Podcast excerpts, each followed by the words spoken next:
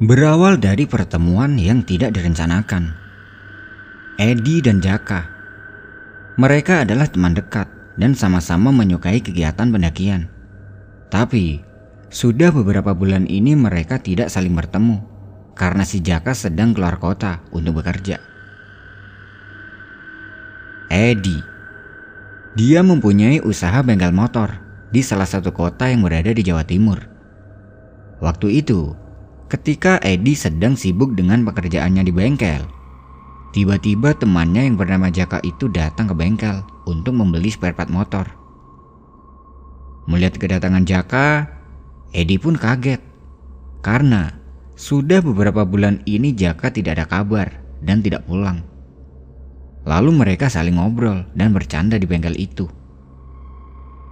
Setelah lama mengobrol, Ternyata Jaka sudah tidak bekerja lagi di luar kota. Karena sudah sekian lama mereka tidak bertemu, sambil bercanda, Edi menawari Jaka untuk mendaki gunung.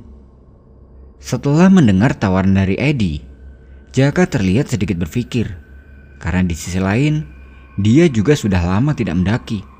Takutnya sudah tidak kuat lagi untuk mendaki gunung. Dia berucap, Mendaki ke mana, Di? Aku udah lama gak mendaki gunung loh soalnya. Edi pun berpikir ke mana dia akan mengajak Jaka mendaki. Karena melihat Jaka yang sepertinya sudah lama tidak mendaki, akhirnya Edi memutuskan untuk mengajak Jaka pergi ke Gunung Pundak yang berada di Mojokerto. Karena gunung itu tidak terlalu terjal dan tidak memakan waktu lama untuk mendakinya. Lagi pula, Tujuan mendaki kali ini adalah untuk bersantai saja, sekalian temu kangen, karena mereka sudah lama tidak bertemu. Singkat cerita, akhirnya mereka pun memutuskan untuk mendaki ke Gunung Pundak besok sore. Karena kebetulan, besok sore adalah hari Kamis, dan hari Jumatnya, bengkelnya Edi libur. Sore itu, sekitar habis maghrib, mereka berangkat dan membawa peralatan seadanya milik Edi. Mereka berangkat dengan menggunakan motor.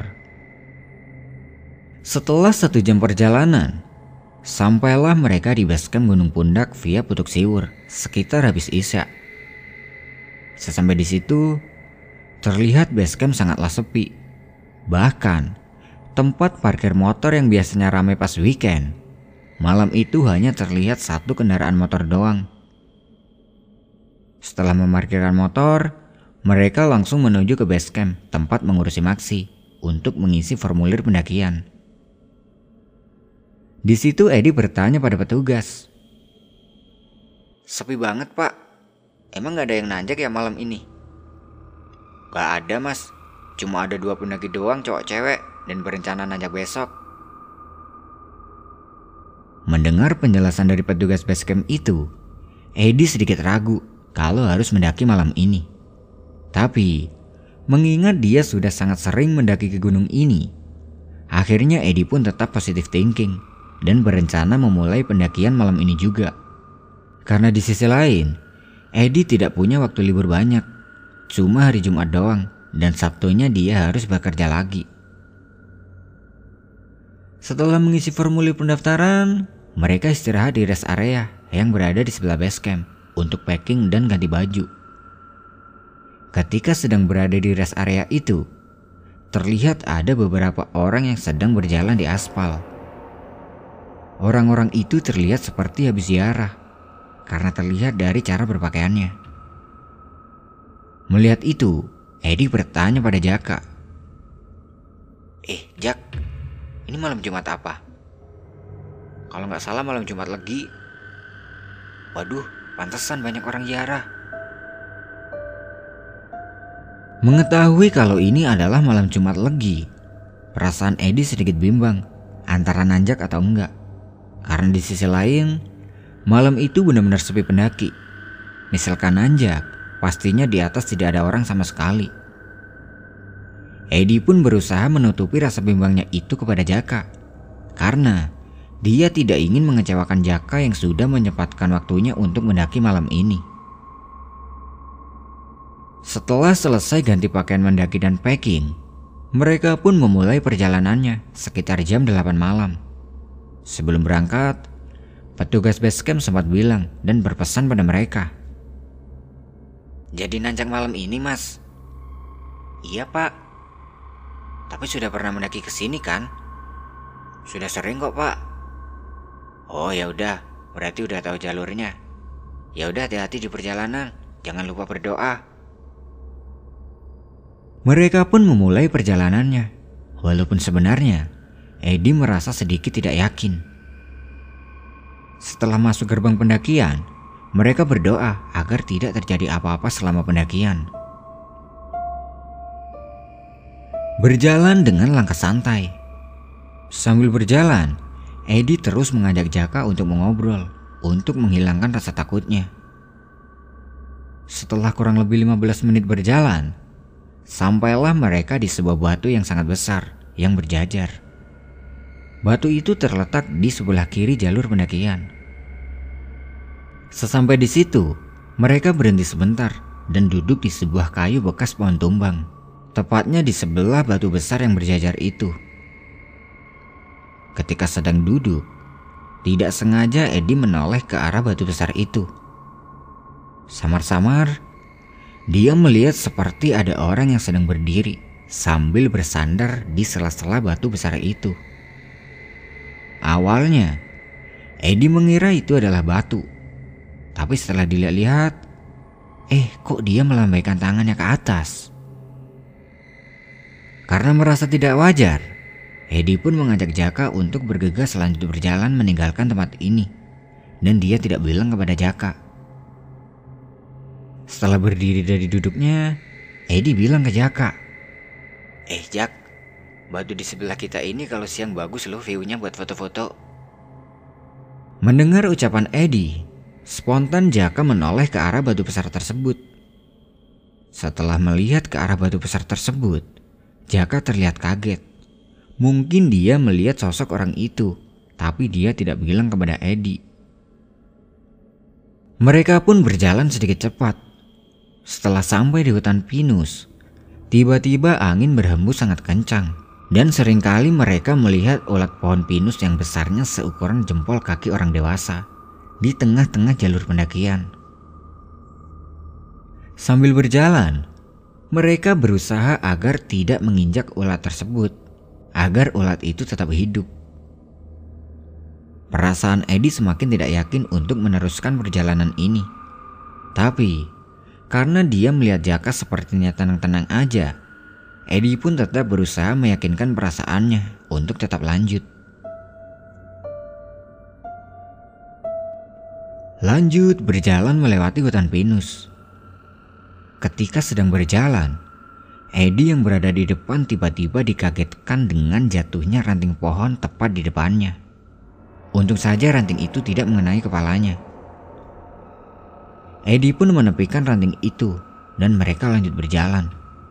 Tapi, kejadian ini terulang sampai tiga kali dengan posisi yang sama. Keyakinan Edi untuk tetap melanjutkan perjalanan pun goyah. Jadi malam itu seperti ada yang menahan mereka agar tidak melanjutkan perjalanan. Tapi, sekali lagi Edi tetap tidak mau mengecewakan Jaka yang sudah menyempatkan waktunya untuk mendaki malam ini. Akhirnya mereka pun tetap lanjut berjalan, meskipun perasaannya Edi tidak yakin. Lanjut berjalan. Posisi mereka masih berada di dalam hutan pinus. Ketika sampai di sebuah area yang dinamakan Camp Satu Gragal, mereka berhenti untuk istirahat. Mereka duduk di sebelah jalur pendakian yang terdapat sebatang kayu, tempat biasa untuk duduk pendaki lain. Karena haus, Edi mengeluarkan botol air minumnya untuk diminum. Nah, di area camp satu itu terdapat sebuah tumpukan batu dan sebuah gubuk kayu yang beratap jerami. Tepatnya di sebelah kiri jalur pendakian kalau dilihat dari arah naik. Di situ, samar-samar Edi melihat ada sosok orang yang dilihatnya di batu besar tadi. Dia sedang duduk jongkok di dalam gubuk itu. Hal yang sama pun dilakukan Edi. Dia bergegas mengajak Jaka untuk berjalan dan meninggalkan tempat ini. Dia bilang, Nah, di sebelah kiri ini juga bagus ya kalau buat spot foto kalau siang. Kata-kata itu diucapkan Edi kepada Jaka dengan tujuan agar Jaka melihat keberadaan orang yang dilihat Edi itu. Tapi kali ini Jaka tidak terlihat kaget. Mungkin dia tidak melihat keberadaan orang itu. Edi pun tidak berani melihat ke arah gubuk itu karena dia takut. Perjalanan pun kembali dilanjutkan. Tidak lama kemudian, akhirnya mereka keluar dari hutan pinus tadi. Dan anehnya, angin kencang yang tadi dirasakan di dalam hutan pinus itu sudah hilang setelah mereka keluar dari hutan tersebut. Di sini perasaan Edi sedikit lega dan mereka lanjut berjalan menuju ke puncak. Singkat cerita, sampailah mereka di puncak Betuk Siwur sekitar jam 11 malam. Dan waktu itu, di puncak sangatlah sepi, tidak terlihat satu pendaki lain. Sesampai di puncak itu, mereka mendirikan tenda di bawah bebatuan, di bawah papan puncak. Setelah tenda sudah berdiri, mereka membuat kopi dan hanya memasak mie instan untuk dimakan karena waktu itu mereka tidak membawa perbekalan banyak. Mereka hanya membawa beberapa mie instan dan beberapa roti saja. Ya wajar saja, kan pendakian ini cuma semalam doang. Lagian tujuan mereka mendaki ini adalah untuk ngopi di ketinggian. Setelah masakan sudah matang, mereka pun makan dan dilanjut dengan menikmati kopi. Edi mengajak Jaka meminum kopi di sebuah gubuk yang ada di puncak sambil menikmati pemandangan lampu kota. Sesuai dengan rencana mereka mendaki waktu itu. Mereka pun berjalan meninggalkan tendanya dan menuju ke gubuk itu. Setelah sudah sampai, mereka pun duduk santai menikmati kopi dan pemandangan yang ada sambil ngobrolin tentang pekerjaan mereka masing-masing. Setelah 30 menit kemudian mereka ngobrol di gubuk itu mereka mendapat sedikit gangguan. Dari kejauhan, tiba-tiba terdengar seperti ada suara seruling Jawa kuno dan dilanjut dengan angin yang sangat kencang. Bisa bayangin nggak? Di tengah hutan, tidak ada orang lain, dan tiba-tiba mereka mendengar suara gituan. Seakan-akan malam itu mereka dilarang untuk ngobrol di gubuk itu. Seketika suasana menjadi mencekam. Bulu kuduk mereka berdiri semua. Dan akhirnya mereka memutuskan untuk kembali ke tempat ngecampnya tadi. Sesampai di tempat ngecamp, ternyata tenda yang tadi sudah didirikan itu terbalik karena tertiup angin yang sangat kencang. Mereka pun langsung membenarkan tendanya lagi ke posisi awal. Tapi mereka benar-benar kesusahan untuk membenarkan tendanya karena kencangnya angin malam itu. Akhirnya mereka pun pindah dan mencari tempat di sela-sela tebing dengan tujuan agar sedikit terhindar dari kencangnya angin. Setelah menemukan tempat yang dirasa sedikit nyaman, mereka pun memindahkan tendanya ke situ. Setelah tenda sudah dipindahkan, tiba-tiba frame tendanya patah dan tenda tidak bisa berdiri. Terpaksa, Malam itu mereka tidak mendirikan tenda dan memakai tenda itu sebagai alas tidur. Malam itu mereka hanya beralaskan tenda dan berselimut sleeping bag. Tidak lama kemudian, angin kencang sudah berhenti dan mereka pun tidur.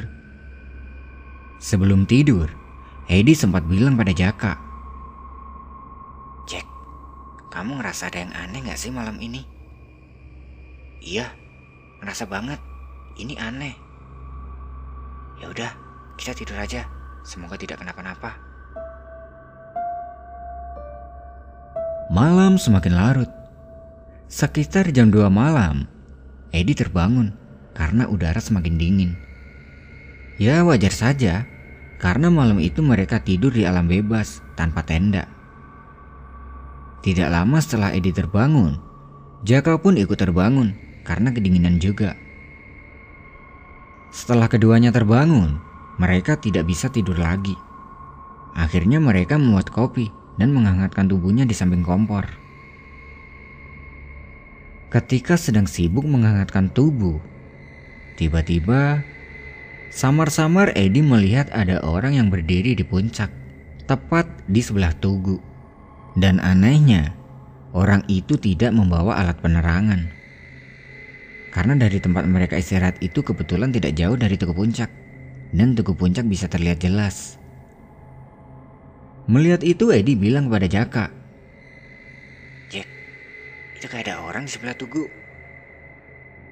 Spontan, Jaka pun melihat ke arah tugu itu dan melihat orang itu sedang berdiri di puncak.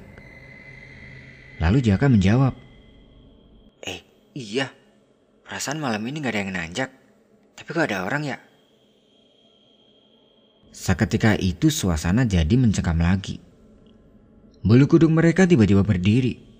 Lalu, Edi coba membuat suasana agar tidak mencekam. Meskipun sebenarnya dia juga merinding. Mungkin dia nanjak via jalur satunya, Jack. Jalur langsung pundak.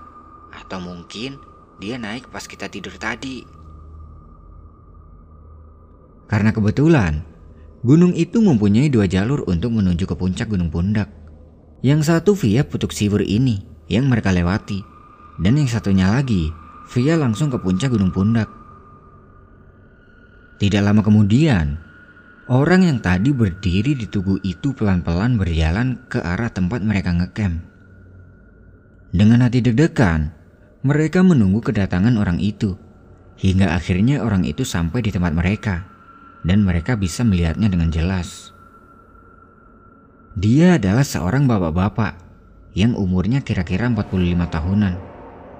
Dia memakai kemeja hitam, berkumis tebal, dan memakai belangkon di kepalanya.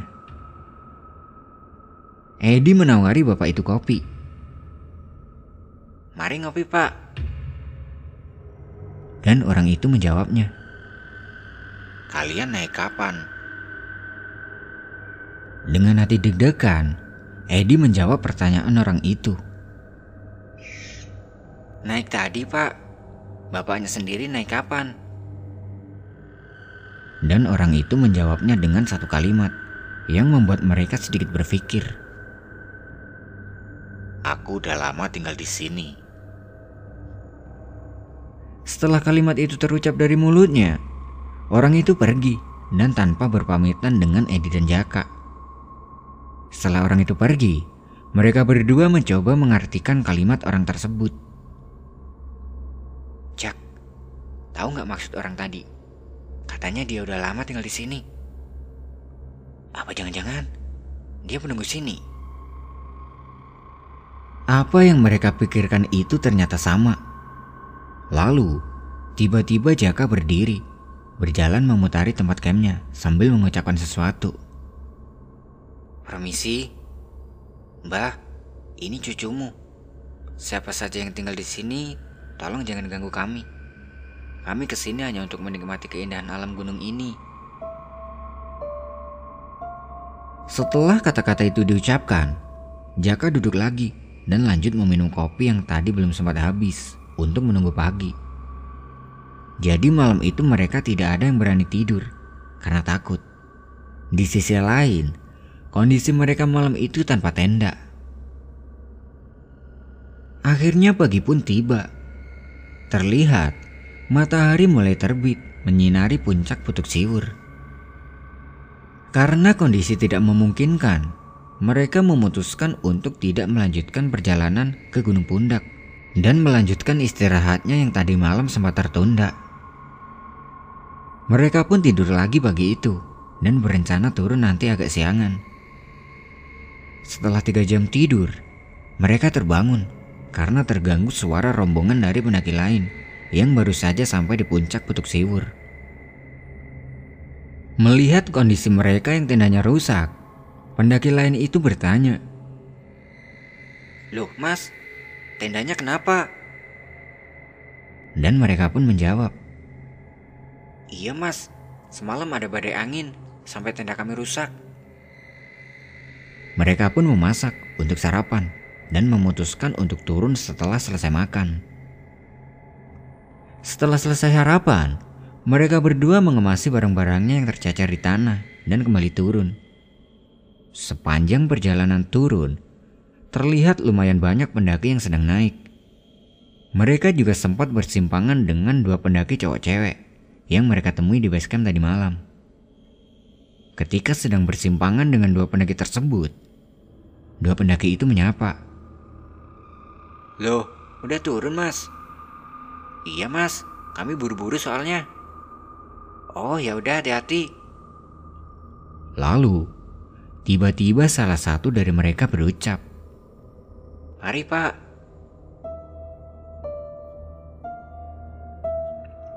Mendengar itu spontan Edi menatap tajam ke arah Jaka. Lalu, Edi menoleh ke berbagai arah, tapi tidak ada siapa pun selain mereka berdua. Yang ada dalam pikiran Edi waktu itu adalah, Kok pak? Pak siapa yang mereka maksud? Apa jangan-jangan mereka melihat orang yang semalam kami temui di Putuk Siwur itu di sini? Karena merasa sedikit takut, Edi pun bergegas mengajak Jaka untuk melanjutkan perjalanan turun.